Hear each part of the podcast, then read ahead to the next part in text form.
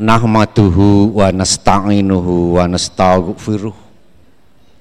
Wa na'udzu billahi min sururi anfusina wa min sayyiati a'malina.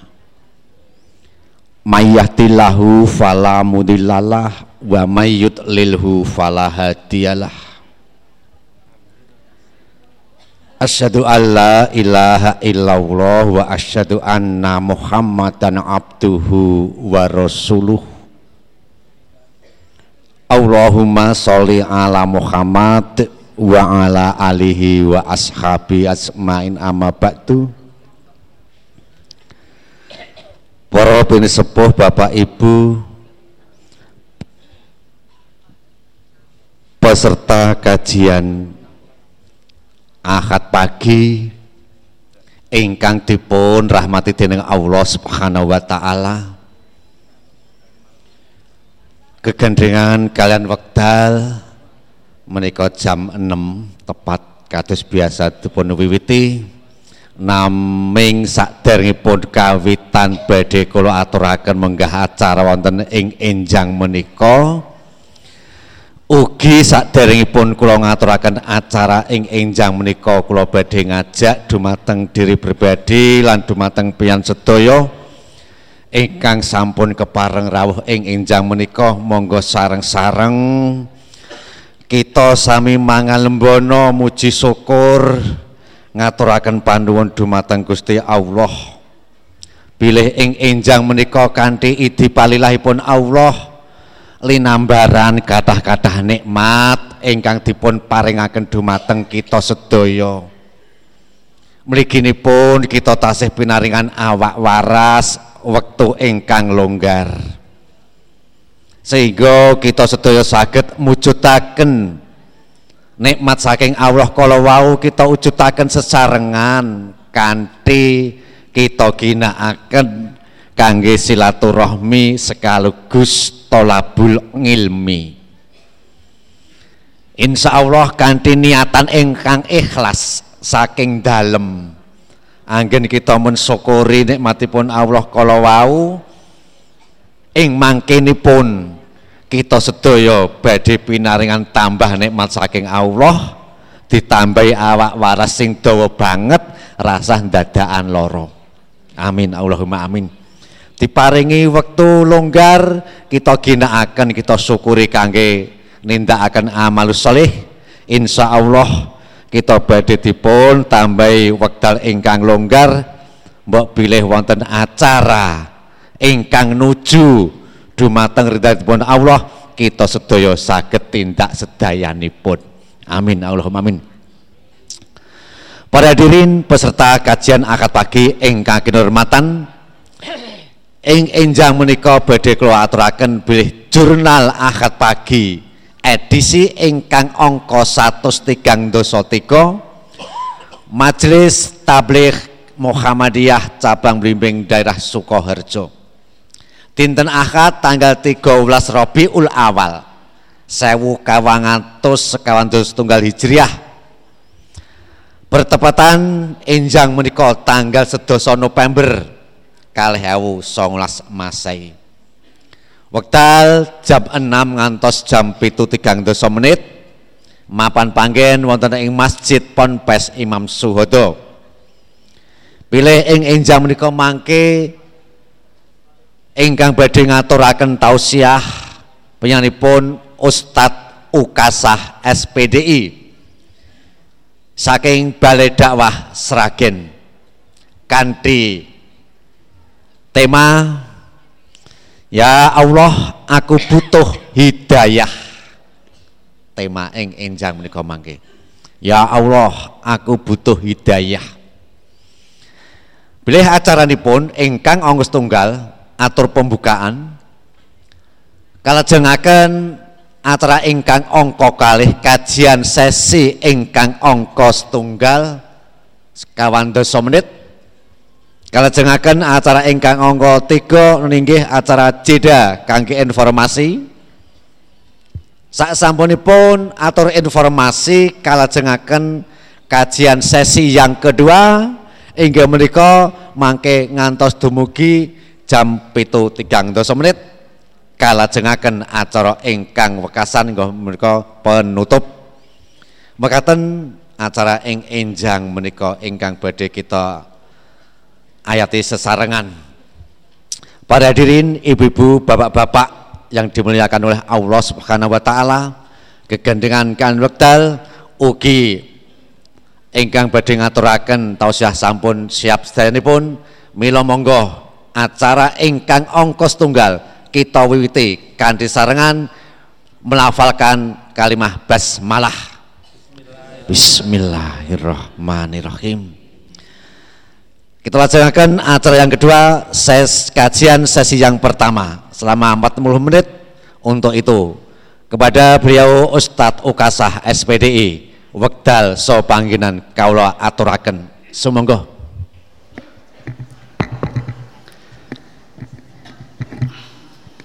Bismillahirrahmanirrahim. Assalamualaikum warahmatullahi wabarakatuh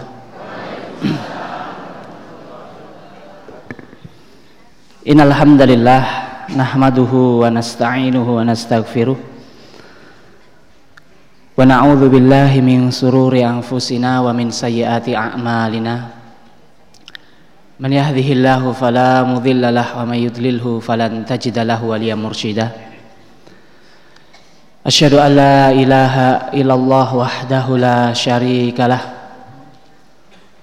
وأشهد أن محمدا عبده ورسوله لا نبي ولا رسوله بعده يقول الله تعالى في المحكم تنزيل بعد أن أعوذ بالله من الشيطان الرجيم بسم الله الرحمن الرحيم يا أيها الذين آمنوا اتقوا الله haqqa tuqatihi wa la tamutunna illa wa antum muslimun wa qala Rasulullah sallallahu alaihi wasallam Ittaqillaha thumma kunta wa atbi sayyatal hasanata tamhuha wa khaliqin nasa bi khuluqin hasanin. Wa nas'alullaha azza wa jal ayahdiyana ila siratihil mustaqim wa yaj'alana minal muttaqin wa yudkhilana jannatahu jannata na'im walhamdulillahi rabbil alamin Rabbi israh li sadri wa yassir li amri wahlul 'uqdatam min lisani yafqahu qawli. Allahumma la sahla illa ma ja'altahu sahla wa anta tazalul hazna idza syi'ta sahla. Alhamdulillah Tentunya bersyukur kepada Allah Subhanahu wa taala pada pagi hari ini kita diberi banyak kebaikan oleh Allah Subhanahu wa taala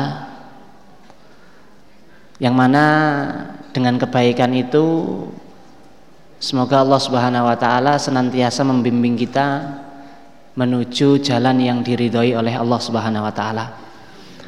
Salawat dan salam Semoga selalu tercurah dan terlimpah untuk Nabi kita Nabi Allah Muhammad Sallallahu Alaihi Wasallam serta keluarga dan para sahabatnya. Jemaah kajian Ahad pagi yang semoga Allah ridhoi dan Allah cintai. Niki nyun ngapunten, saya kalau pakai bahasa seperti Bapak MC tadi, bahasa halus ngoten kula mboten saged. Oke bahasane gaduh-gaduh mawon nggih Pak nggih. Bahasane campur-campur lah. Men nak biasane nak campur-campur itu sok lebih enak nggih Bu nggih. Rasane benten turune Pak ya Masya Allah itu ya. Kalau pagi ini itu kita ingat satu doa Nabi Pak. Doa Nabi yang masyhur ya di, untuk di waktu pagi itu kalau yang berdoa Nabi, tentunya kita harus wajib meyakini. Nak sing didongake Nabi, sing berdoa Nabi mesti dika dikabulke. Ning nak sing donga kula, Bu, nak sing berdoa saya, Pak, niku monggo mboten percaya mboten napa-napa. Sah ah sing donga ustate we kok mboten napa-napa. Ning sak sing donga Nabi kudu ya yakin kudu tenanan iki dikabulke sama Allah Subhanahu wa taala. Nabi itu pernah berdoa kangge kula lan panjenengan sedaya niku ngeten doanya Nabi itu. Allahumma barik li ummati fi bukuriha. Ya Allah, berikanlah keberkahan li ummati fi bukuriha. Berikanlah keberkahan untuk umatku di waktu pagi. Masya Allah. Ya, di sinilah para ulama itu mengambil hikmah dari doanya Nabi itu waktu pagi itu kalau bisa digunakan untuk aktivitas yang mendatangkan keridoan Allah Subhanahu wa taala. Aktivitas yang bermanfaat, aktivitas yang mengarahkan kita kepada ilmu, aktivitas yang mengarahkan kita kepada kebaikan. Dan salah satunya adalah bermajelis pada pagi hari ini. Semoga kita yang hadir di sini termasuk orang-orang yang diberikan kemanfaatan doanya Nabi Muhammad Sallallahu Alaihi Wasallam. Maka jemaah yang semoga Allah cintai dan Allah ridhoi, Bapak Ibu, kita berbicara tentang hidayah, keberkahan hidup yang paling besar, keberkahan hidup yang paling tinggi. Itu adalah hi, hidayah. Milih hidayah napa milih duit bu? Tenane.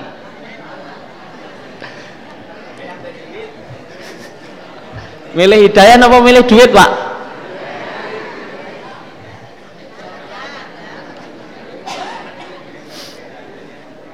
hidayah itu kepentingan yang paling penting.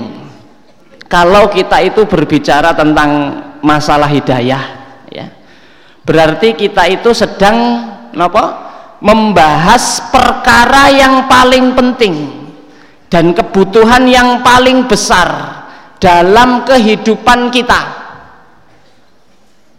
Dalam kehidupan kita dengan hidayah itu hidup itu akan penuh berkah. Dengan hidayah itu hidup itu akan bermakna. Dengan hidayah itu hidup itu akan senantiasa mementingkan kehidupan ah, akhirat. Saat ukuran berkah niki nopo? Kalau tanglet sama ibu-ibu nih ukuran berkah niku pripun bu? Kok diam bu? Nopo ngantuk bu? Buatan nggih bapak-bapak ukuran berkah niku nopo pak? Berkah tentrem to rene. Tentrem niku tetangga kula pak. Ayam nggih. Ayam niki tentrem ayam niku nggih. Enten mulai Pak. Napa Bu? Konaah konaah Masya Allah. Kadang tiang niku kan kalau berbicara tentang berkah Pak ya. Berbicara tentang berkah iki wah kayak anakmu wis nganu ya.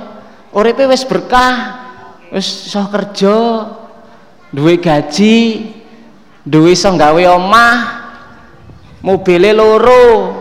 Ngoten nggih Bu nggih? Itu ukurannya sebatas sebatas itu pak. Tapi ternyata hidayah itu bukan seperti itu. Barokah itu bukan seperti itu. Nyun ngapunten barokah itu bukan seperti itu. Berapa banyak sekarang orang itu yang dia punya kedudukan punya harta banyak mobilnya oke. Ning orang menjalankan perintahnya Allah subhanahu wa ta'ala. Tapi keberkahan itu adalah sesuatu hal yang mampu mengarahkan kita kepada Allah Subhanahu wa taala. Niku baru berkah nyuwun ngapunten kalau ukuran berkah itu ditimbang dengan banyaknya harta Bu. Berarti hidup kita itu ora luweh berkah dibanding orang-orang kafir. Kenapa mboten? Kalau timbangannya har harta. Dan Allah subhanahu wa ta'ala memberikan rezeki harta dunia itu timbangannya bukan iman kalau timbangannya adalah iman ketika Allah subhanahu wa ta'ala memberikan harta dunia kepada seseorang timbangannya adalah timbangan iman maka panjenengan yang paling kaya bapak ibu betul balik sholat subuh jamaah pulang ke rumah buka lemari enten duitnya 2 miliar mergone sholat subuh berjamaah. Nggih Pak nggih? Kalau timbangan Allah memberikan harta itu timbangannya adalah i iman. Tapi Allah tidak memberikan harta rizki dunia itu timbangannya dengan iman boten. Kalau timbangannya iman yun ngapunten, banyak orang kafir saat ini itu jadi pengemis di hadapan panjenengan Bapak Ibu. Kalau timbangannya i iman. Lah terus timbangannya nopo? Timbangannya adalah keadilan Allah Subhanahu wa taala. Buat apa kita memiliki harta yang banyak tapi kita tidak mendapatkan hidayah dari Allah Subhanahu wa taala? Buat apa pangkat kita itu tinggi? Tapi kalau ternyata kita itu tidak bisa mengarahkan hidup kita untuk menuju kepada keridhaan Allah Subhanahu wa taala. Jemaah kajian subuh pagi yang semoga Allah cintai dan Allah ridhoi. Kebutuhan terpenting kita adalah hidayah. Dengan hidayah kita akan mendapatkan berkah hidup. Maka Allah Subhanahu wa taala menyebutkan may yahdihillahu fahuwal muhtadi wa may yudlil faulaika humul khasirun. Di dalam surat Al-A'raf ayat yang ke-178. Allah Subhanahu wa taala memberikan bahwasanya may yahdihillahu fahuwal muhtadi. Sinten mawon engkang diberikan hidayah maka dia telah mendapatkan petunjuk dan sinten mawon siapa saja yang oleh Allah Subhanahu wa taala sesatkan maka dia akan menjadi orang-orang yang merugi Bapak Ibu dari ciri orang yang beruntung itu adalah orang yang mendapatkan hidayah. Rugi di dalam ayat ini. Imam An-Nawawi rahimahullah taala menyebutkan bahwasanya yang dimaksud rugi di dalam ayat ini itu setidaknya ada dua kerugian. Ketika seseorang tidak mendapatkan hidayah. Apa itu? kerugian yang pertama dia tidak diberikan untuk bisa beribadah di dunia ini tidak diberikan kesempatan untuk menyembah Allah subhanahu wa ta'ala tidak diberikan kesempatan oleh Allah Subhanahu wa taala untuk mengikuti nabinya Muhammad sallallahu alaihi wasallam. Dan ini kerugian yang sangat dahsyat yang dirasakan oleh orang-orang yang ketika masih hidup di dunia. Makanya Bu, Pak, ketika kita itu masih bisa sholat, syukuri, tenanan sing sholat, Pak. Resapi rokok kita, resapi sujud kita, itu makanya nyun ngapunten ya. Kalau saya itu wis iso salat sunnah iso salat wajib sujud iku aja disiak-siake Pak. Rokok itu aja disiak-siake. Karena banyak orang-orang yang saat ini nggak iso sujud nggak iso rokok mengapa karena mereka tidak diberikan hidayah oleh Allah Subhanahu wa taala untuk menempelkan dahinya, keningnya di buminya Allah Subhanahu wa taala dalam rangka beribadah kepada Allah Subhanahu wa taala. Kita hari ini diberikan kesempatan oleh Allah Subhanahu wa taala untuk itu. Ini nikmat yang paling besar. Bahkan di dalam ayat yang lain Allah Subhanahu wa taala menyebutkan mayyahdillahu fahuwal muhtad wa may yudlil falan tajidalahu waliyam mursyida. Barang siapa yang diberikan petunjuk oleh Allah dia mendapatkan hidayah. Dan barang siapa yang disesatkan oleh Allah Subhanahu wa taala maka dia tidak akan bisa mendapatkan pertolongan siapa pun tidak akan pernah bisa menolongnya nanti. Makanya yang kerugian yang kedua kata Imam Nawawi Asy-Syafi'i rahimahullahu taala kerugian yang kedua yang pertama tadi rugi di dunia tidak bisa beri beribadah Lalu rugi yang kedua adalah rugi di akhirat, nanti dia akan celaka masuk ke dalam nerakanya Allah Subhanahu wa taala tanpa ada penolong. Sebabnya apa? Tidak mendapatkan hidayah. Tidak mendapatkan hidayah dari Allah Subhanahu wa taala. Maka Bapak Ibu, kita semuanya jamaah yang semoga Allah cintai dan Allah ridhoi, kita bisa ikut ngaji pagi di sini rutin ya Pak. Ini rutin setiap minggu nggih Pak Tadi pun episode kepinten nih Pak 100 133 Masya Allah wis kaya sinetron wae. Ya 133 tapi bukan sinetron. Nak sinetron malah itu ngalihkan hidayah itu Bapak Ibu Oh ibu-ibu alhamdulillah biasanya anak pagi nih so acara nih saya-saya gitu ya. Acara teng TV nih wah Masya Allah wis ngaji nyun ngapunten ya berkah yang ngaji niku wis serius dari rumah itu berangkat dia Pak. Bismillah aku melu ngaji niat lillahi ta'ala wis tekan kene turu iku untuk pahala iku kok sampai sini pun tidur itu ya untuk pahala timbang ning omah nonton sinetron. Napa mulai wis mundur alon-alon? Alah mundur kok. Wis mundur diomong-omong mundur. Ya. Apa mulai Dewi bersisik ngene ah Masya Allah ya. Maka ibu mboten ngertos Dewi bersisik toh bapak-bapak ngertos Pak Dewi bersisik? Mboten ya? Ya alhamdulillah. Nak ning nak diomong asli jenenge waduh-waduh mengko ning ora usah diomong asli jenenge ya. Jadi kita ibu bapak semuanya hadirin hadirat yang bisa ke sini itu lah jalan dari rumah tenanan itu bukan karena hebatnya kita pak. Betul. Kita bisa ngaji rutin seminggu sekali itu bukan karena hebatnya kita bukan karena kuatnya kita bukan karena tangguhnya kita mboten bapak-bapak bisa sholat jamaah ke masjid rutin lima waktu. Wong lanang ya kudu neng. Masjid. Nah ibu-ibu pripun? Gue teng masjid monggo. Teng griya nggih sae. Bapak-bapak bisa ke masjid adzan wayai adzan Allahu akbar Allahu akbar. Tipine pateni HP ini pateni. Itu bukan karena hebatnya kita. Bukan karena tangguhnya kita bukan karena kuatnya kita tapi itu karena hidayah dari Allah subhanahu wa ta'ala coba kita bayangkan itu Berapa banyak orang itu yang kuat-kuat itu Pak. Daki lawu kuat dia. Daki gunung sombing kuat dia. Daki es apa? Gunung yang di luar negeri. Es pokoknya gunung aja lah, lupa saya itu ya. Himalaya ya, gunung Himalaya itu kuat.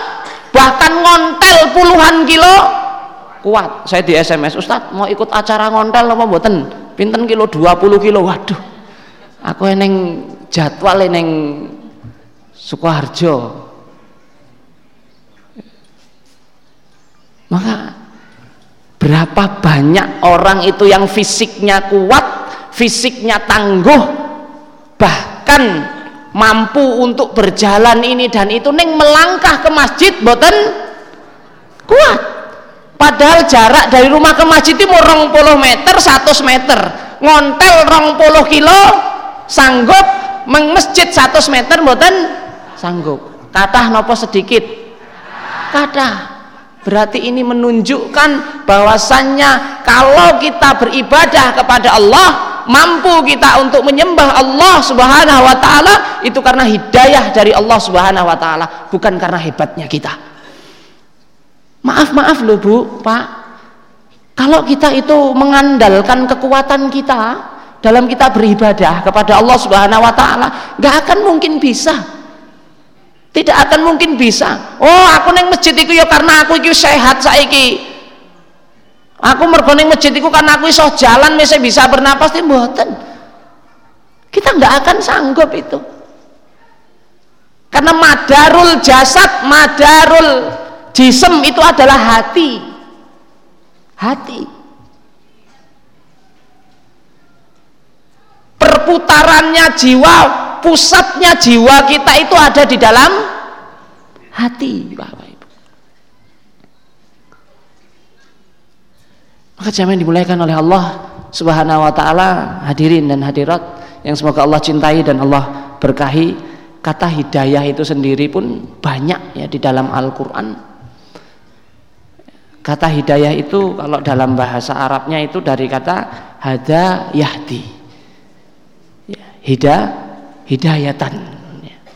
Maka ini menjadi sesuatu yang sangat penting kalau kata para ulama menyebutkan waqad an'amallahu ta'ala ala ibadihi bi ni'matin katsiratin sungguh Allah Subhanahu wa taala itu yang paling besar anugerah yang telah Allah berikan kepada seorang hamba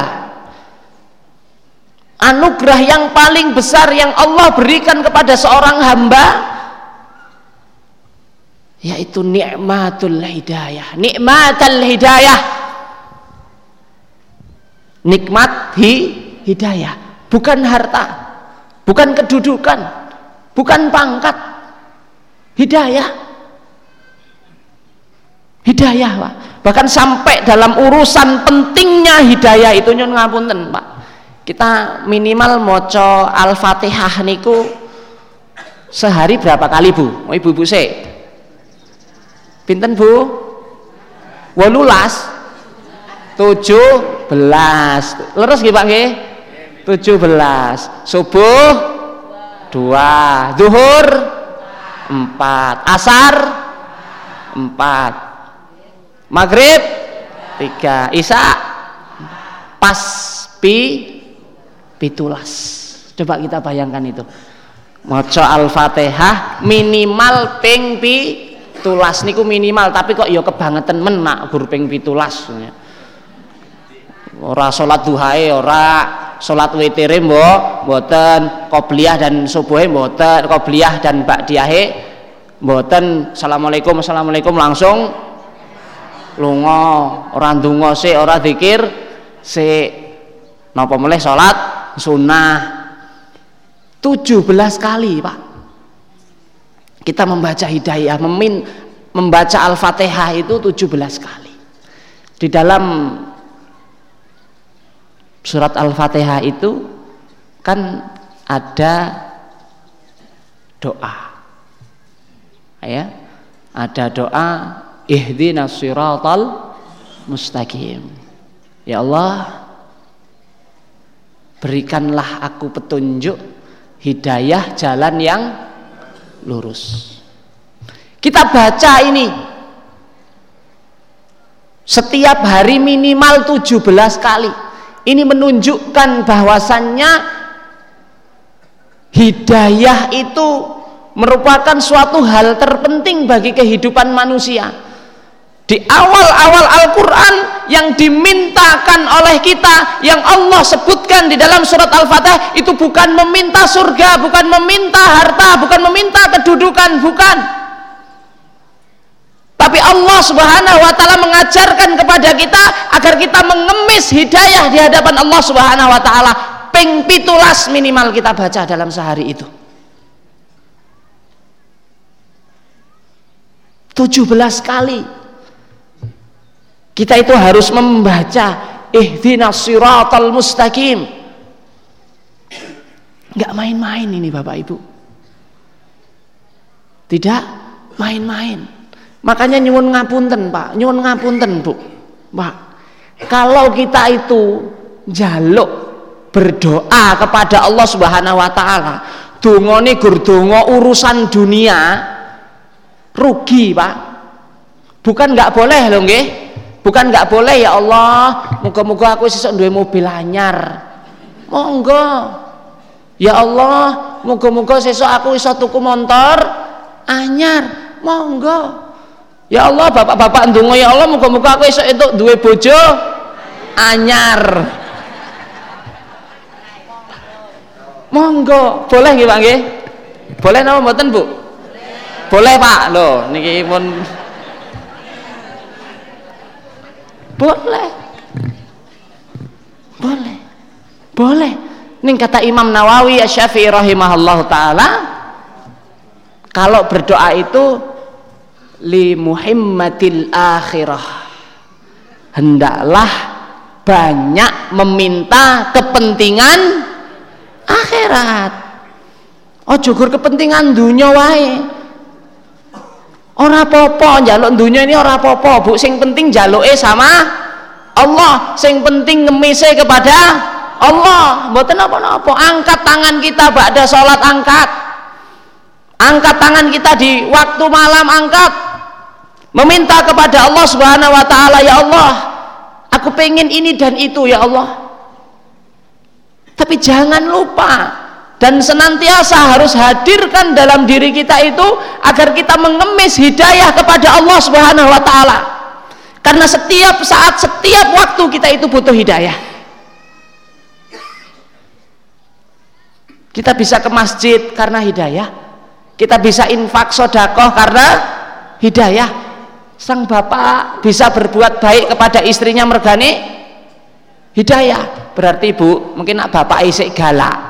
Iku urung entuk hidayah. Mergane ngopo? Nabi niku dawuh ngeten khairukum khairukum li ahli wa ana khairukum li ahli khairukum khairukum li ahli wa ana khairukum li ahli sebaik-baiknya menungso niku engkang paling sae kepada keluarganya yang paling bagus kepada keluarganya. Dan saya kata Nabi adalah orang yang paling baik kepada keluar keluarga. Ini kata Nabi.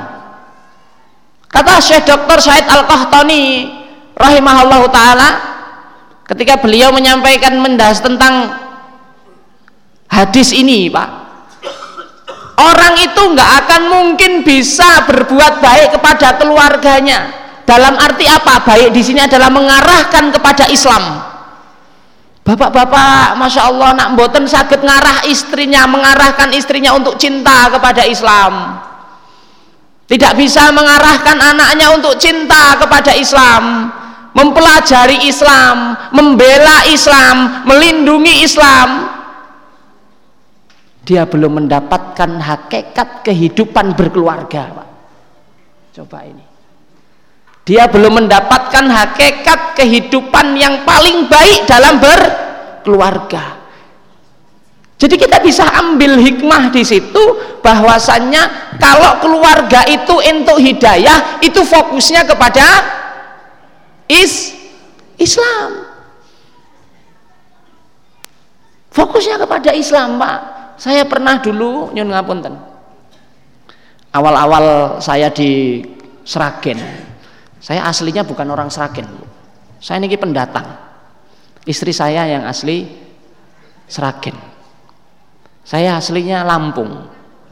Wah, dari Lampung nih aduh. Ning saya sejak lulus SMP sudah di Jawa. Saya mondok kuliah di Jawa.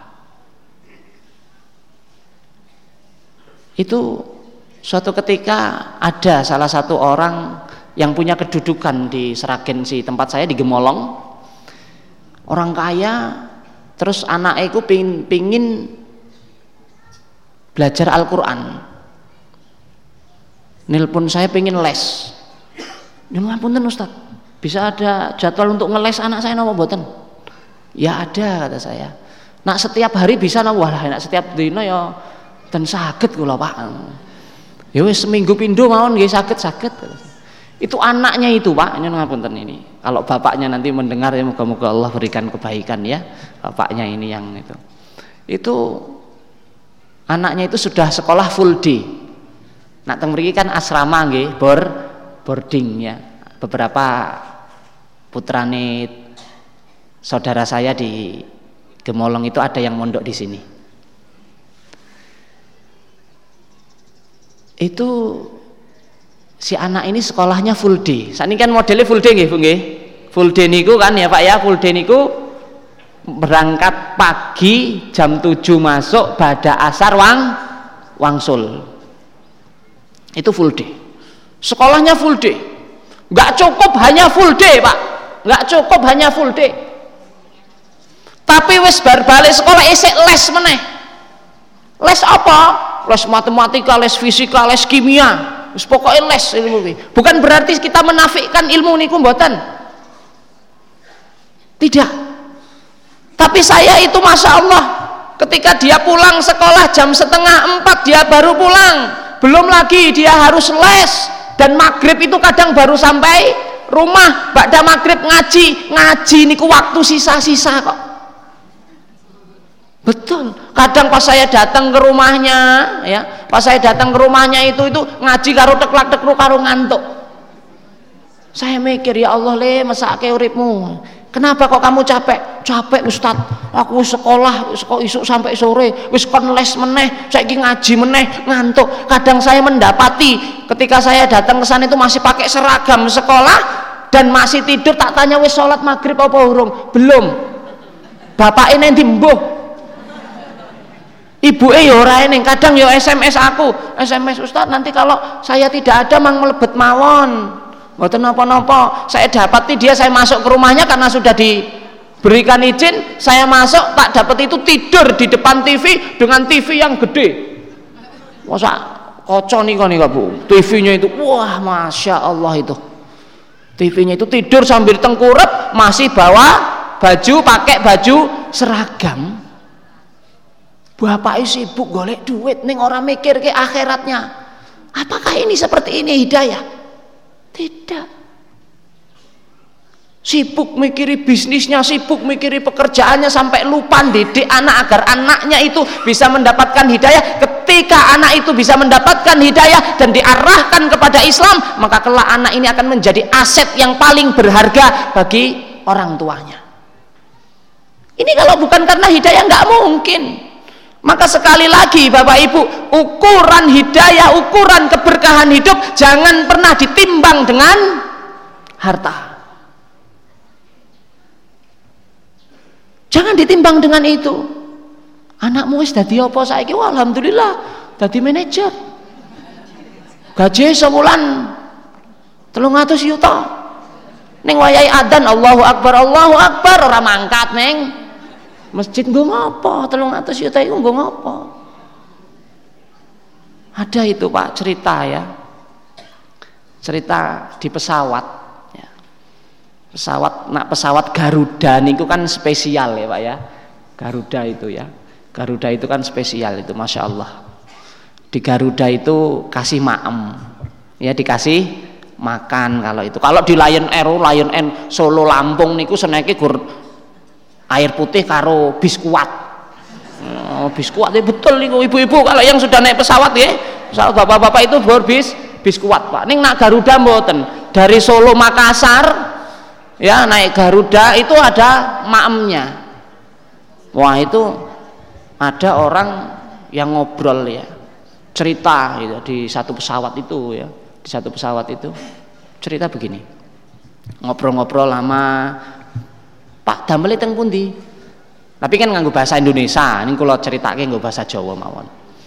Saya niku manajer tiga perusahaan. Wah, masya Allah. Tiga perusahaan pak, manajer tiga perusahaan itu, masya Allah itu. Penghasilan saya kurang lebih yang 400 juta setiap bulan. Enten teng mriki sing 400 juta. Nak dereng enten kula dongake muga-muga enten. Amin. Ning kok nak wis entuk koyo aja lali infak dako bantu pondok niki pondoke kurang apa? Oh akhirnya kekeringan ayo gaweke sumur bor meleh kan ngoten. Ya. Lalu si bapak ini ya, si bapak ini cerita penghasilannya sampai 300 juta, Pak. Sebulan kula kaget walah. Aku urung pernah weruh du, duit cash 300 juta iki urung tahu weruh pak. Belum tahu saya belum pernah tahu itu. Ning nak TV pernah nak lihat TV pernah. Iki telung atus juta iki sak miliar ngoten ngertos. Ning nak duwe telung atus juta cash niku dereng pernah. Dereng pernah. Ning aja dongake nak ora pernah lho. Oh ya dongake mugi-mugi bisa ya seperti itu. Itu bapak itu pak. Belum lagi kalau dia ngisi pelatihan seminar itu dapat bonus lagi. Belum lagi kalau memperbaiki satu perusahaan terus perusahaannya kembali bisa maju dapat bonus lagi itu. Kerjaannya itu gur numpang pergi naik pesawat. Makassar kadang Singapura kadang Malaysia itu pergi. Ternyata bu masih seneng bahagia saya. Betul. Pas disediakan makanan ya disediakan makanan pakai rendang ya ibu-ibu nak masak mas, makan rendang setahun pisan. Bapak-bapak setahun pisan. Idul adha mboten lagi ya mboten. Marung padang kathah niki. Ya biasa kalau orang Sumatera ini kan seneng sing pedes-pedes sing nopo bersantan ya. Itu terus bapak itu dikasih rendang kasih susu. Itu mboten dimakmi ku rendangnya cuma minta kuah sayur bening kan kuah bening. Pak kok mboten dimaem rendangnya niki susunya kok mboten dimaem nopo? Wah aku nak maem rendang aku darah tinggi. Aku kolesterol. Mau aku minum susu mau aku asam urat. Macem-macem itu disebutkan bu. Wah isik bahagia saya ya pak. Walaupun ning jeruati lo ya. Orang ngomong tenanan terus masih bahagia saya pak. Saya walaupun ora gaji ora sakmono kuwi ning mangan apa-apa eh enak. Jenengan gaji telung atus yuto mangan daging wae ora. Seneng jenengan apa seneng itu bu pak? Seneng kita. Saya yakin bapak-bapak ibu-ibu niki mboten enten pantangan nggih. Maam wah itu nikmat besar itu. Nah, coba orang itu seperti itu gajinya besar ini besar neng orang iso menikmati makan Wah kalau ibu-ibu bapak-bapak ini mungkin ada yang mau berangkat dari sini. Ya itu sudah teh anget ya. Mungkin rajangan iwa ati ya. Ah, mungkin apa bu jangan ya.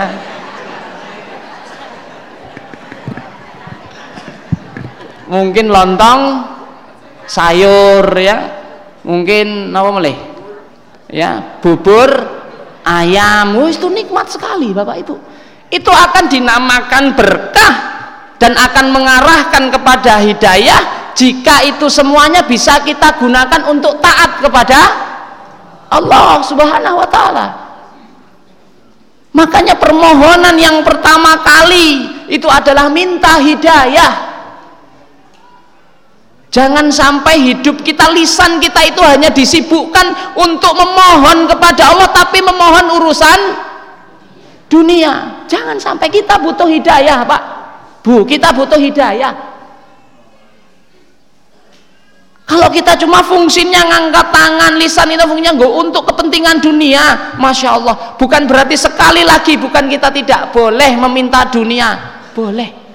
Ada salah satu kitab kitab itu namanya kitab Al-Adhkar yang ditulis oleh Imam Nain Insya Allah terjemahannya sudah banyak itu. Ibu-ibu harus dibaca itu ya kitab al adkar itu bapak ibu ya isinya tentang zikir dan doanya nabi. Tentang zikir dan doanya nabi yang dihimpun oleh Imam Nawawi Syafi'i rahimahullah taala. Kitab al adkar tentang zikir-zikirnya nabi tentang doa-doanya nabi. Coba kalau kita perhatikan di situ kebanyakan doanya Nabi Muhammad Sallallahu Alaihi Wasallam hampir 90,99 persen. 99,99 persen itu Nabi mintanya adalah minta hidayah minta urusan a, akhirat. Minta hidayah minta urusan akhirat. Niki jedarian apa Pak? Oh nggih tarian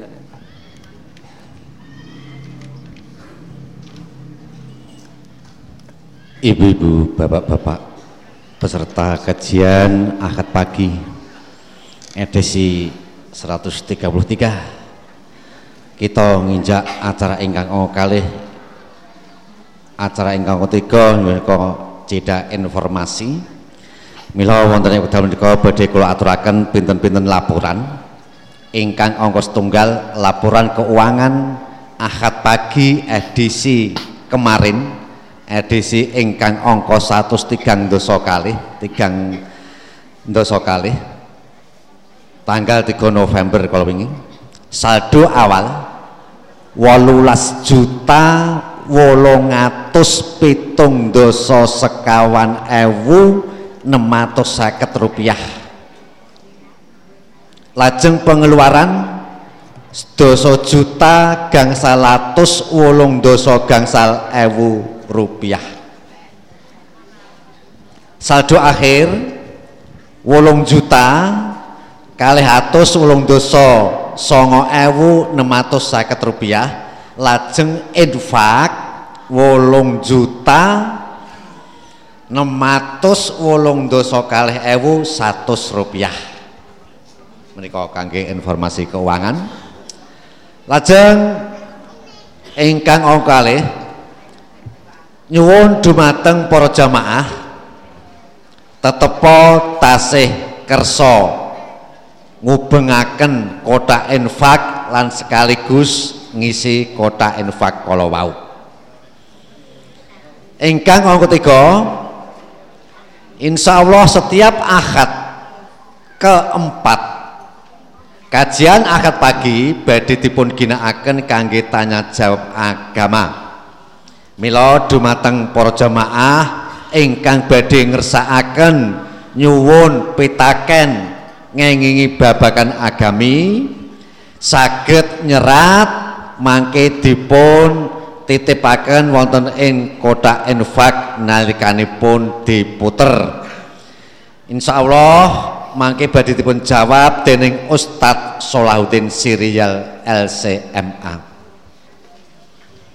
wonten ing enjang menika pekan pagi ini yang mendapat da, giliran dana organisasi dari infak akad pagi enjang menika ingkang pikantuk dana giliran organisasi inggih menika pimpinan ranting Muhammadiyah saha pimpinan ranting Aisyah Jetis Bancaan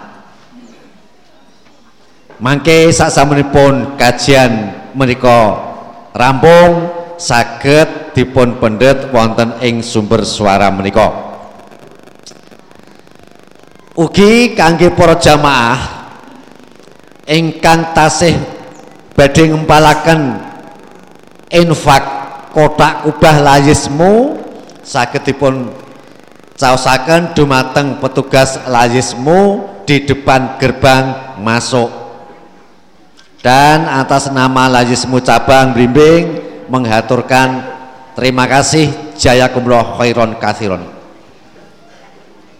Ugi kangge para jamaah ingkang badhe ngersakaken stempel majelis tablik kangge keperluan tugas utawi dinas sakit menghubungi petugas di meja presensi depan gerbang. Salajengipun informasi kangge kajian akad pagi ingkang badhe dateng. Akad tanggal 17 November kalih songolas edisi ingkang angka 103 dosa sekawan.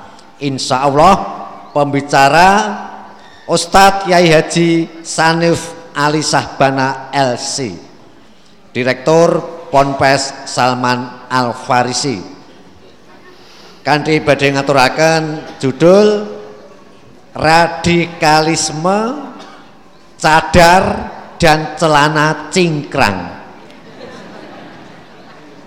Binjing akad ingkang badhe dateng Bapak Ibu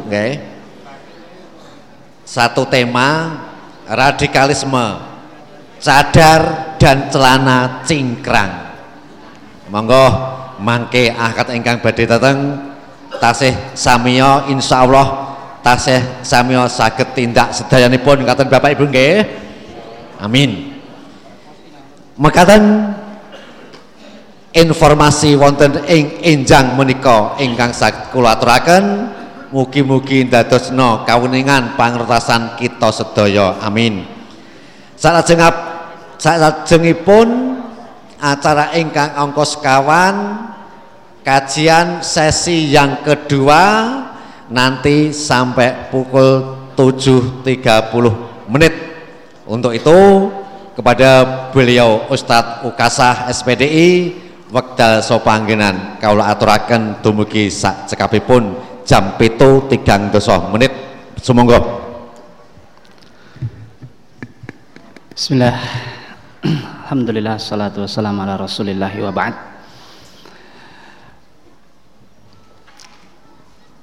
Kalau kita berbicara lagi tentang masalah hidayah ya Pak ya Bu. Itu Nabi Muhammad Shallallahu alaihi wasallam banyak doa-doa beliau itu minta itu mengarahkan hanya kepada hidayah. Napa Bapak Ibu pernah menemui doanya Nabi niku ya Allah, muga-muga untaku nambah okeh. Ya Allah, muga-muga kebun kurmaku nambah ombo.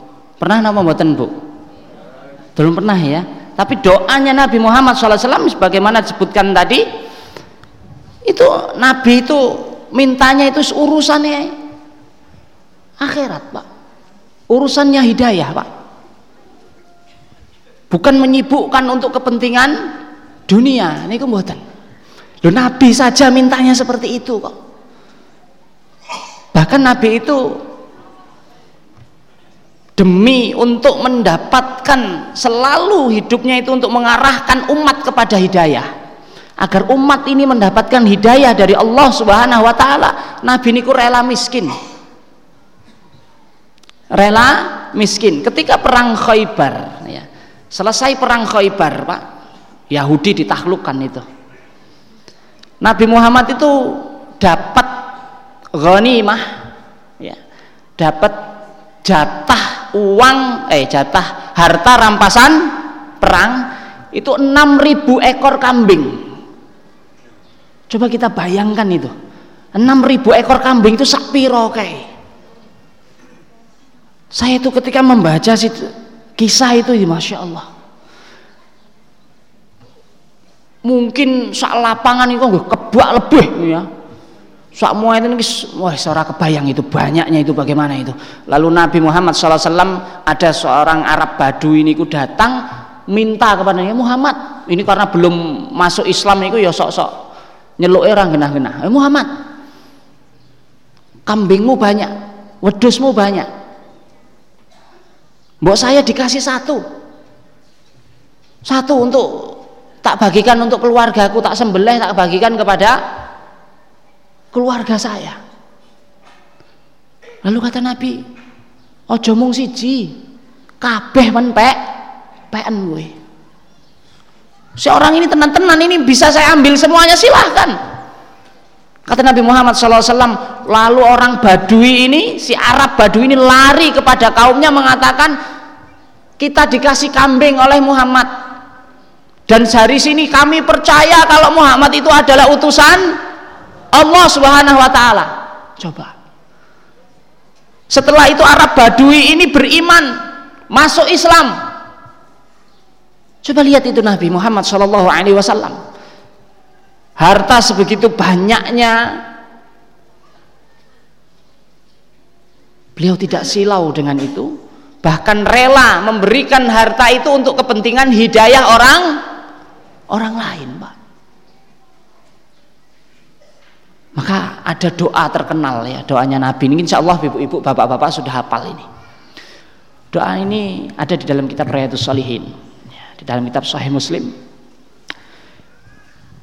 An Ibni Mas'udin radhiyallahu an karena Rasulullah SAW yakul dari Ibnu Mas'ud bahwasanya dulu Nabi itu pernah mengajarkan kami doa dan ini tolong yang sudah hafal mari dibaca Pak Kata Nabi sallallahu alaihi wasallam, "Allahumma inni as'alukal huda wat-tuqa wal afafa wal ghina." Allahumma inni ya Allah sesungguhnya aku as'alukal huda meminta kepadamu ya Allah aku memohon kepadamu ya Allah apa yang pertama diminta oleh Nabi al-huda hidayah Hidayah yang pertama diminta oleh Nabi Muhammad Shallallahu Alaihi Wasallam. Karena Nabi paham betul, Nabi tahu persis bahwasanya yang dibutuhkan oleh hidup ini adalah hidayah. Setelah hidayah itu hadir dalam diri kita, maka kita akan menjadi orang-orang yang bertakwa. Maka doa yang selanjutnya yang dimintakan oleh Nabi waktu kok dan ketak ketakwaan, Pak. Kalau orang itu sudah takwa kepada Allah Subhanahu wa taala, maka jiwanya akan tenang, hatinya akan ber, bersih. Maka Nabi wasallam meminta wal afaf dan kejernihan ji, jiwa, kemuliaan jiwa. Lalu yang terakhir baru, ini pun bukan minta harta, bukan minta kedudukan, bukan minta nambah hartanya tidak. Wal ghina dan kecukupan hidup cukup Pak Bu untuk hidayah takwa jernih hati kalau hatinya jernih pergonis kok hidayah hatinya jernih. Orang katok cingkrang terus teroris. Orang nganggu kajar terung terus teroris. Berarti sing ngomong ngono kuwi butuh butuh apa Bu Pak? Butuh hidayah butuh hidayah. Men sholat Jumat juga ya nganggu sholawat oh, sholat Jumat orang nganggu khotib orang nganggu sholawat ya gawat dalam madhab syafi'i. Orang sah. Ya, ini butuh hidayah butuh hidayah orang-orang yang tidak cinta dengan Islam orang-orang yang membenci syariat Allah subhanahu membenci cadar, membenci jenggot semakin panjang semakin seperti itu butuh hidayah orang yang mantam ini butuh butuh hidayah. Makanya Nabi SAW itu pasti yang pertama itu diminta itu adalah hidayah. Bukan yang lainnya saya itu sampai ada dalam pengajian itu yang tanya itu Pak. Saya ngaji Ustadz, bagaimana sih hukumnya orang itu pakai cadar? Lah terus menurut penjenengan pripun kata saya. Saya tidak tahu. Oh, istri saya pakai cadar kok kata saya gitu. Saya nggak mau menjelaskan waktu itu karena memang waktunya agak mepet kata saya dibuka saja Pak website Balai Dakwah Seragen saya tulis di situ tentang urusan cadar. Bagaimana empat madhab itu menimbang ukur apa namanya tentang urusan ca, cadar. Bahkan dalam madhab syafi'i pak, dalam madhab syafi'i cadar itu wajib. Untuk ketok itu gurmoto sebelah kiwa. Bisa dibuka dalam tafsir atau bari itu. Dalam kitab Fathul Qorib di awal-awal itu kalau di pondok pesantren saudara-saudara kita di Nahdien itu fikihnya pertama itu belajar Fathul korib. Itu dijelaskan tentang bagaimana hukum cadar. Dan menurut madhab syafi'i hukum cadar itu wajib. Tutup. Yang boleh kelihatan itu moto sebelah kiwo itu menurut madhab syafi'i. Tapi menurut madhab yang lain hukumnya ja, jais. Hukumnya ada yang sun sunnah. Silahkan tapi kalau hati kita dapat hidayah eneng sing nganggo cadar oh iya iku syariat Islam. Oh sing jenggote dawa iku syariat Islam. Oh katoke cungkrang itu syariat Islam. Eneng oh jangan sampai ada orang nganggo katoke cungkrang. Wah kebanjiran nih. Enggak. Orang yang semacam itu butuh hidayah Bapak Ibu. Cuma yang dimulaikan oleh Allah Subhanahu wa taala Wa kana yad'u Allah bihadzal du'a. Nabi SAW mengajarkan doa ini tadi Allahumma ini as'alukal huda wa tuqa wal afafa wal ghina. Kata Syekh Utsaimin rahimahullahu taala al hidayah al huda kata beliau hada bi ma'nal ilm wan nabi sallallahu alaihi wasallam muhtajun ilal ilmi ka ghairihi minan nas. Masya Allah. Makna huda di sini kata Syekh Utsaimin rahimahullah taala maknanya adalah ilmu. Maknanya adalah il ilmu. Dan Nabi Shallallahu Alaihi Wasallam adalah manusia yang paling butuh terhadap ilmu. Niku Nabi. Nabi itu manusia yang paling butuh kepada ilmu. Artinya Nabi itu butuh terhadap hidayah hidayah. Padahal Nabi itu sudah dijat dapat jatah pintu surga. Yang mengetok pintu surga itu adalah Nabi Muhammad Shallallahu Alaihi Wasallam. Dalam satu hadis itu kan nanti di pas mau masuk surga itu kan Nabi ngetok pintu surga. Penjaga surga tanya Mas Muk siapa namamu? Ana Muhammad bin Abdullah Shallallahu Alaihi Wasallam. Oh Muhammad iya saya diperintahkan oleh Allah Subhanahu wa taala untuk menjaga pintu surga dan tidak boleh mengizinkan siapa pun masuk kecuali engkau terlebih dahulu ya Rasulullah.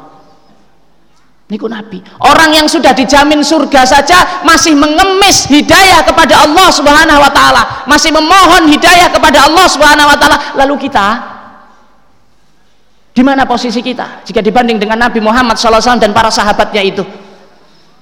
Kita belum mendapatkan apa-apa Makanya kalau hidup kita itu tidak dipenuhi untuk memohon hidayah kepada Allah Subhanahu wa taala, khawatir Bapak Ibu, khawatir Islam yang ada di dalam diri kita ini Allah cabut. karena kita tidak senantiasa tunduk patuh kepada Allah untuk selalu memohon hidayah kepada Allah Subhanahu wa taala. Tadi saya sebutkan doanya Nabi hampir 99,99% persen. Itu adalah memohon hidayah kepada Allah Subhanahu wa taala. Allahumma arinal haqqo haqqo. Bukankah ini juga meminta hidayah? Bukankah ketika doa kunut Allahumma hdina fiman hadait? Ya Allah berikanlah kami hidayah. Minta hidayah itu Jemaah yang dimuliakan oleh Allah Subhanahu wa taala.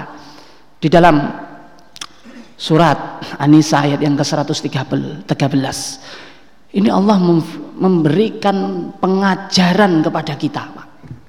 Kata Allah Subhanahu wa taala, "Wa 'allamaka ma lam takun ta'lam." Allah menyampaikan di sini wa'allamaka ma lam takun ta'lam. Allah lah yang telah mengajarkan kepadamu ya Rasulullah malam takun taklam apa-apa yang belum kamu ketahui.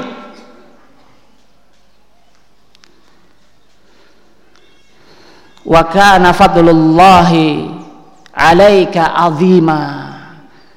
Dan Allah telah memberikan keutamaan yang besar kepadamu ya Rasulullah apa keutamaan yang besar itu? Hi, hidayah. Keutamaan yang besar dari Allah Subhanahu wa taala diberikan oleh para anbiya war rasul dan orang-orang solih, para syuhada itu adalah hi, hidayah.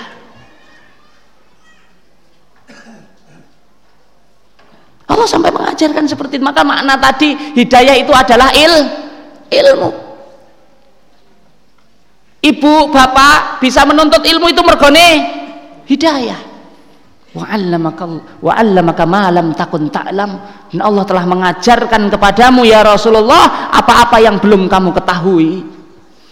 Jadi ketika kita ingin tahu Islam Pak Bu kita butuh hidayah. Hidayah itu diminta. Hidayah itu dicari. Bukan orang itu di rumah nonton dangdut main HP, main game, tiba-tiba set paham Islam, tiba-tiba paham halal, haram, tiba-tiba paham mana syirik, mana tauhid, orang mungkin. Tidak mungkin, Pak. Kalau di rumah kita hanya nonton TV, melu pengajian taklim nggih. Kita itu nyun ngapunten Bapak Ibu ya. Kita itu untuk meraih gelar S1 ya. Niku pinten tahun, Pak? Pinten, Pak? Pinten, Bu? Jari sinten 4 tahun. TK rong tahun. Loh. TK rong tahun, SD 6 tahun, pinten? Wulung tahun, SMP 3 tahun, 11 tahun. SMA 3 tahun. 14 tahun. Kuliah patang tahun. Jadi walulas tahun. Kok patang tahun? Nah orang SD dhisik ya ora iso. Nah orang SMA dhisik ya boten saged. Walulas tahun Pak. Nggo iso kerja entuk UMR nggih. UMR piro sing sragen? Kula mboten ngertos Ya, UMR-nya berapa di Sukoharjo? Kula mboten ngertos. Biar kerja di depan laptop, ya. Biar kerja di depan laptop, biar ini dan itu wis 18 tahun kita itu peras keringat banting tulang. Wong tuane yo mbiayai ngragati ora setitik. Ragate akeh. Itu untuk mendapat gelar S1 itu kita rela sibuk kita ini ngapunten. 18 tahun neng ngaji gur seminggu pisan rong jam neng pengajian turu meneh. Nah, ini kan gawat nih surga itu masya Allah pak yang akan bisa mengarahkan kita kepada surga itu hidayah. Hidayah yang akan mengarahkan kita kepada surga pak bukan yang lainnya Maka kalau kita itu hidup itu tidak dipenuhi untuk mengemis hidayah kepada Allah Subhanahu wa taala. Sekali lagi saya sampaikan takutlah kita, takutlah Bapak Ibu kalau iman yang sudah tertanam di dalam diri kita ini ternyata Allah cabut, mergani kita tidak mempedulikan hidayah. Karena kita tidak mempedulikan hidayah itu. Kita biarkan anak kita tidak mengenal Islam, kita biarkan keluarga kita tidak mengenal Islam. Kita biarkan tetangga kita tidak mengenal Islam. Bahkan kita biarkan diri kita tidak peduli kepada Islam.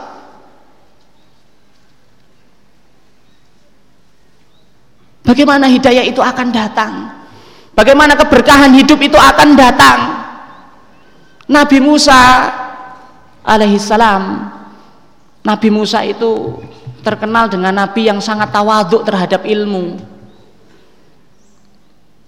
Nabi Musa itu terkenal nabi yang senantiasa rajin dalam mengais ilmu Pak. Kan Nabi Musa itu bukan hanya sekedar nabi tapi Nabi Musa itu adalah seorang roh rasul. Bukan hanya seorang rasul tapi Nabi Musa juga adalah seorang ulul azmi. Tapi Nabi Musa rela menuntut ilmu kepada Nabi. Nyun Ngapunten kepada Nabi yang kedudukannya lebih di bawah Nabi Musa yaitu Nabi Hidir. Rela Nabi Musa itu. Nuntut ilmu kepada Nabi Hidir. Karena Nabi Musa sadar kalau yang dibutuhkan hidupnya adalah hidayah dan hidayah itu akan senantiasa hadir kepada diri seorang Nabi kalau dia berilmu.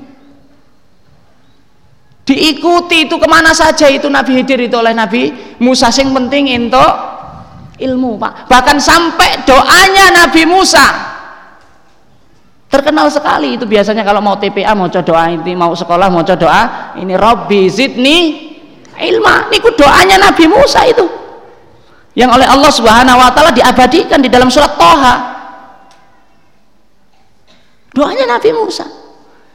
Para ulama tafsir itu menjelaskan bahwasanya Kok Allah itu mencantumkan doanya Nabi Musa yang apa? Agar Nabi Muhammad bisa mengambil pelajaran kepada nabi-nabi sebelumnya dan mengetahui kalau yang dibutuhkan oleh para nabi dan rasul itu adalah hidayah.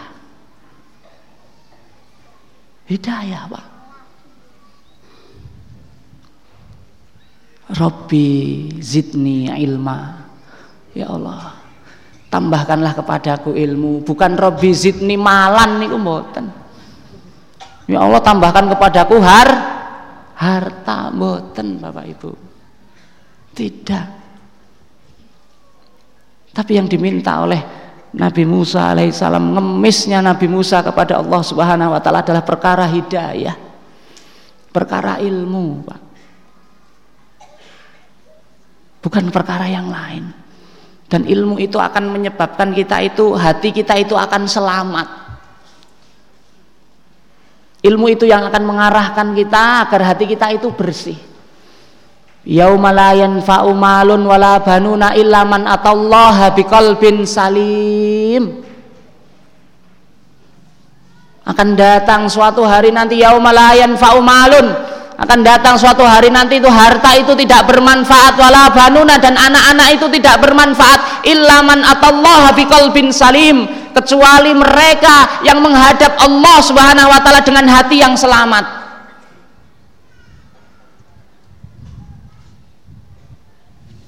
Syekh Sya'di rahimahullah taala dalam tafsirnya Karimur Rahman mendefinisikan makna tentang hati yang selamat Pak alladhi salima minasyirk yang pertama yang dimaksud hati yang selamat kolbun salim itu adalah alladhi salima minasyirk yaitu selamat dari kesyirikan wasyak dan keraguan wa mahabbatal syar dan selamat dari mencintai keburukan wa israrat wa israrat bid'ah. Dan mampu untuk menjauhi perkara-perkara yang baru dalam masalah agama. Wadunub dan terhindar dari yang namanya do dosa. Ternyata kalau kita himpun semuanya pak kita bisa menghindari syirik mergone nuntut ilmu mergone hidayah. Kita bisa paham itu yang namanya syirik itu Masya Allah apalagi sekarang syirik itu Bapak Ibu jangan kita definisikan syirik itu gur teko neng dukun teko ngei nyembah-nyembah neng wit neng pohon neng kuburan. Boten itu syirik itu bukan seperti itu. Itu bagian dari syirik. Tapi syirik itu apa definisi syirik itu?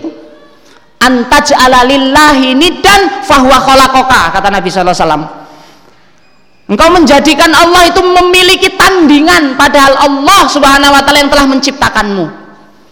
Tandingan dalam berdoa tandingan dalam taat tandingan dalam cinta. Maka kalau esek mencintai artis napa boleh mencintai Korea? Wah Insya Allah itu sampai rela anak-anak generasi milenial nih itu kalau tidak dibimbing hidayah itu akibatnya ya seperti ini pak. Rela ngenteni konser rela tuku tiket itu ngantri-ngantri sampai berhari-hari. Demi artis Koreanya itu datang isoh nonton konser. Moco Quran alif lam mim dzalikal kitabul la raiba wis lemes. Ning nak nonton konser nonton Korea betah sauen-uen Loh ini terjadi kok nggih napa mboten, Pak? Terjadi ini. Mengapa bisa seperti itu? Karena negara kita butuh hidayah. Generasi-generasi kita itu butuh hidayah. Biar dia seorang yang muslim kemudian dia cinta kepada Islam, terarah hidupnya untuk Islam.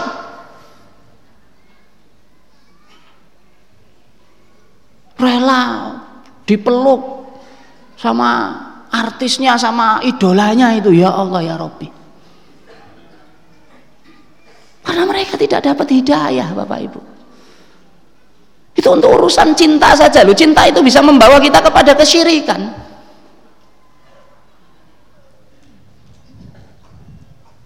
Kalau urusannya dengan keraguan-raguan, itu butuh hidayah, butuh ilmu. Orang-orang liberal, orang-orang orientalis, liberalis itu kan masya Allah menyerangnya Islam itu kayak apa saat ini itu.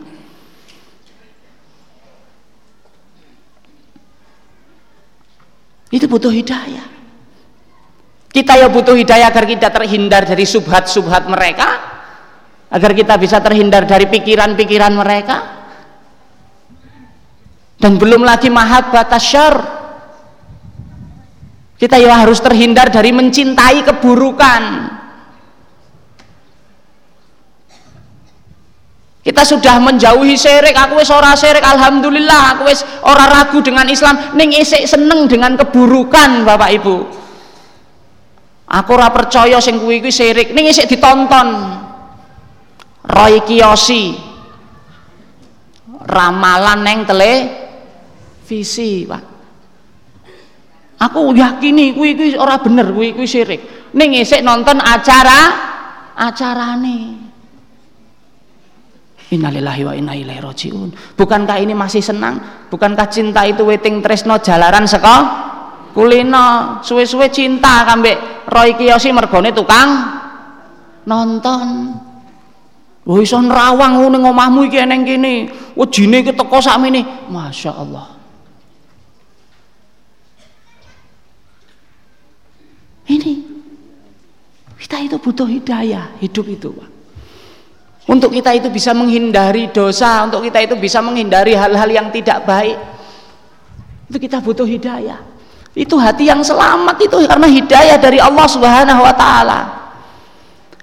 Tidak mungkin orang ini akan bisa menghindari kesyirikan, tidak mungkin orang ini bisa menghindari dosa, tidak mungkin orang ini bisa menghindari sesuatu yang meragukan tanpa hidayah dari Allah Subhanahu wa taala. Hidayah itulah yang akan menyebabkan hati kita itu bersih. Maka hidayah itu pula yang akan menyebabkan hati kita itu selamat Bapak Ibu. Bukan karena hebatnya kita itu, bukan karena kuatnya kita. Macam yang dimuliakan oleh Allah Subhanahu wa taala. Mengapa orang itu kok butuh hidayah? Karena yang pertama orang itu jahil. Manusia itu bo bodoh. Manusia itu bodoh, Pak. Dia belum sholat yang dibutuhkan adalah hidayah. dia nggak tahu hukum Allah dia butuh hidayah. Dia nggak tahu syariat Islam dia butuh hidayah. Dia belum mencintai syariat Allah subhanahu wa ta'ala yang mana kita dituntut oleh Allah subhanahu wa ta'ala untuk hidup dengan naungan syariat. Kadang orang itu tak ditanya gue pingin mati ke aku pingin mati Islam kok digawa krondo dure neng tulisan la ilaha illallah. Pas mati nganggo hukum Islam tapi pas urip ora gelem nganggo hukum Islam. Iki kan kualik sing ngeten pingin mati dalam kondisi Islam ning ora gelem diatur nganggo hukum Islam. Keluarganya ya harus nganggo hukum Islam. Pak Bu. Orang Jawa itu Pak ternyata saya baca beberapa referensi buku. Orang Jawa itu rumahnya itu ternyata sesuai dengan syariat Islam loh. Rumah joglo. Rumah joglo nih Pak nggih? Niku yang rumah joglo niku kan pintunya tiga ya. Pintunya tiga nih Pak nggih? Kanan satu tengah satu kiri satu. Tahu nggak rahasiane nopo niki Bu? Pak. Bapak yang sing tahu? Ternyata itu rahasianya Masya Allah itu syariat Islam itu Pak. Lu kok sakit? Iya karena untuk ketika bertamu misalkan lebaran, rioyo dan lain sebagainya itu yang pintu kanan itu untuk tamu laki laki. Yang pintu kiri untuk tamu perempuan. Yang tengah itu untuk saternya untuk pembatas. Jadi tamu laki-laki sama tamu perempuan ora bareng ora campur.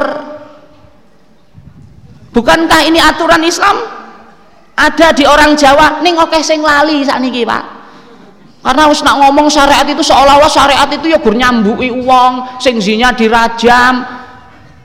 Cuma itu saja. Enggak. Syariat Islam itu mengurusi dari ujung rambut sampai ujung kaki dari bangun tidur sampai tidur kembali.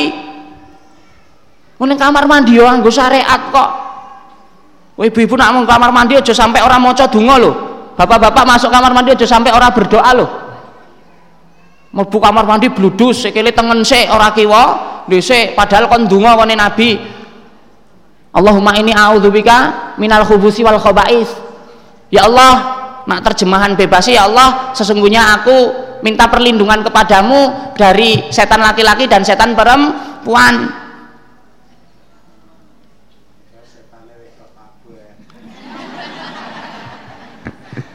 setan laki-laki dan setan perempuan. Mengapa kok kita diminta baca doa itu?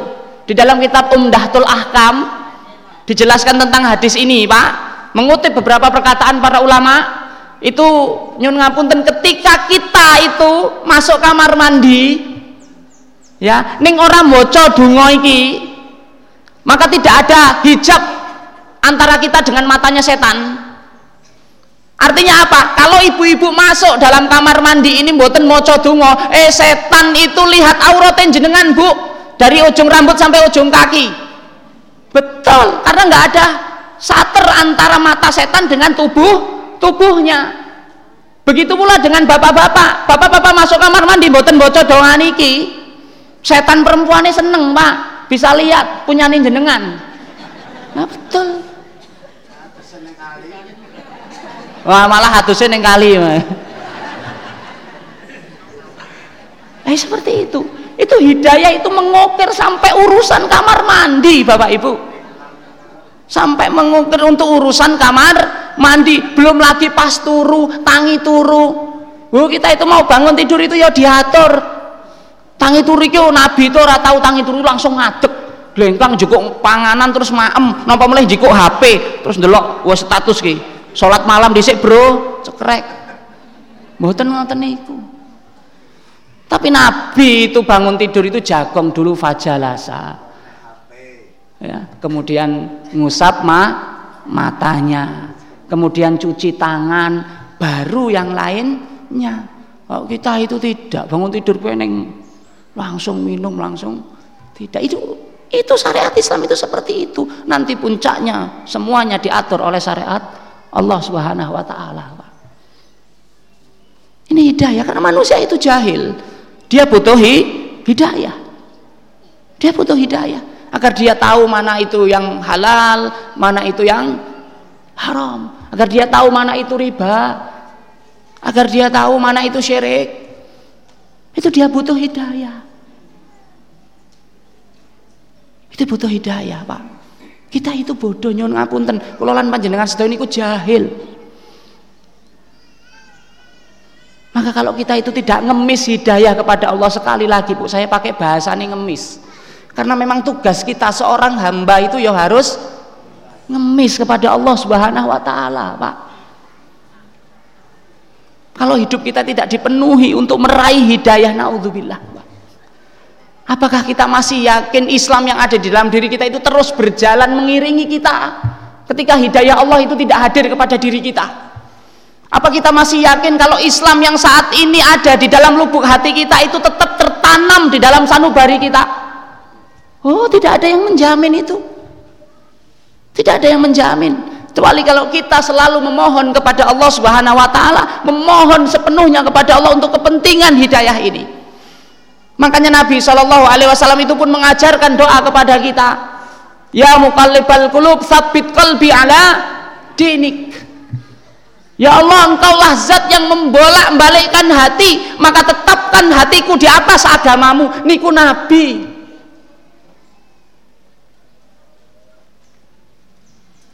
kita itu bukan Nabi kita itu bukan Rasul kita itu orang jah jahil Ustadz ya butuh hidayah orang mergo ustadz wis tulis neng di terus orang penting hi, hidayah. Tidak. Lu kita coba lihat kisah-kisah para ulama terdahulu. Bukankah ada seorang muadzin yang sudah 30 tahun menjadi muadzin? Dia murtad gara-gara lihat perempuan cantik.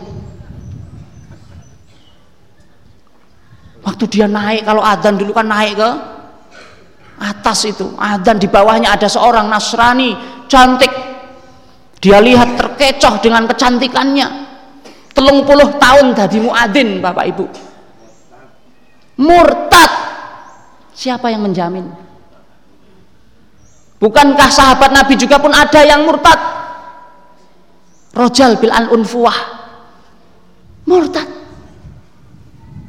itu orang yang hidup bareng dengan Nabi menuntut ilmu bareng dengan Nabi. Itu seorang muadzin itu yang diceritakan oleh Imam Ibnul Qayyim itu telung puluh tahun. Bahkan dia masih hidup di generasi-generasi terbaik waktu itu. Lah kita saat ini sudah jauh dari Nabi. Jauh daripada orang-orang solih. Jauh daripada salaful ummah umat ini. Eh, kita harus lebih lagi. Kita harus lebih butuh lagi terhadap hidayah itu yang hidup dengan Nabi yang bareng dengan Nabi belajar ilmu langsung dari Nabi saja bisa murtad. Tak apalagi kita. Dari enten jaminan Bapak Ibu. Belum ada jaminan. Kita belum ada jaminan sama sekali. Maka mari jamaah yang dimuliakan oleh Allah jamaah yang semoga Allah cintai dan Allah ridhoi pada pagi hari ini kita memohon betul-betul hidayah itu kepada Allah Subhanahu wa taala. Jangan sampai hari-hari yang kita lewati, hari yang sudah Allah berikan 24 jam untuk kita, itu kita hanya meluangkan waktu untuk minta hidayah itu untuk hanya sekedarnya saja. Jangan Pak, setiap langkah kita, setiap hembusan nafas kita itu butuh hidayah dan kita harus mohon kepada Allah. Ustadz aku nggak isoh pakai bahasa Arab burung apal. Monggo pakai bahasa Jawa mboten napa-napa. Sing penting ora pas salat Kenapa sholat nganggo bahasa Jawa ya? Batal. Sholatnya nggak nak ndonga ora apa-apa. Bar sholat angkat tangan ya Allah. Kayak aku hidayah ya Allah. Men maamku semuanya itu diatur Islam. Men turuku kabeh ya diatur Islam seperti itu. Maka jemaah yang dimuliakan oleh Allah Subhanahu wa taala Bapak Ibu, ayo. Saya ajak semuanya jemaah ya. Kita ajak semuanya, kita seru semuanya umat Islam. Keluarga kita, anak kita, istri kita, tetangga kita, bos kita, anak buah kita, mertua kita, sedulur kita dan lain sebagainya. Ayo kita ajak kepada hidayah. Kita mohon untuk senantiasa meminta hidayah Allah Subhanahu wa taala Bapak Ibu. Demikian mungkin yang bisa saya sampaikan. Semoga ini bisa menghantarkan hidayah kangge kula lan panjenengan sedaya. Aku lu qouli hadza astaghfirullahaladzim li wa lakum lisairil muslimina min kulli dam innahu wal rahim. Assalamualaikum warahmatullahi wabarakatuh.